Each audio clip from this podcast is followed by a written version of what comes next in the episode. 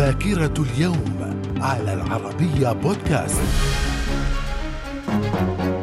أهلا بكم إلى ذاكرة اليوم الثالث من ديسمبر. ففي العام 1101 أبو علي المنصور يتولى الخلافة ويتخذ لقب الآمر بأحكام الله ليكون بذلك الخليفة الفاطمي العاشر. في العام 1586 البحار والمستكشف الإنجليزي السير توماس هيريوت يكتشف نبات البطاطس في كولومبيا بأمريكا الجنوبية. وفي العام 1621 عالم الفلك الإيطالي جاليليو جاليلي يخترع التلسكوب الخاص به. من الذاكرة. ومن ذاكرة الثالث من ديسمبر في العام 1866 افتتاح الكلية السورية البروتستانتية في بيروت المعروفة حاليا باسم الجامعة الأمريكية. في العام 1922 بدء عروض فيلم قصة البحر في إحدى قاعات العرض السينمائي في نيويورك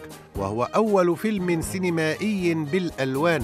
في العام 1984 انفجار بمصنع شركة يونيون كاربايد الكيميائي في مدينة بهوبال الهندية يودي بحياة ثلاثة آلاف وثمانمائة شخص واشتهرت الحادثة باسم كارثة بوبال وهي من أسوأ الكوارث الصناعية في التاريخ من حيث عدد المتضررين. من الذاكرة. ومن ذاكرة الثالث من ديسمبر في العام 1990 العاصمة الصومالية مقديشيو تسقط في يد المتمردين ضد حكم الرئيس محمد سياد بري. في العام 1994 سوني تطرح أول جهاز PlayStation للبيع. في العام 2012 مقتل ما لا يقل عن 475 شخصا بإعصار بوبا في الفلبين. من الذاكرة. ومن مواليد الثالث من ديسمبر في العام 1921 الممثلة المصرية مديحة يسري. من الذاكرة. وفي الثالث من ديسمبر من كل عام يحتفل باليوم العالمي لذوي الإعاقة أو ذوي الاحتياجات الخاصة. من الذاكرة. إلى اللقاء.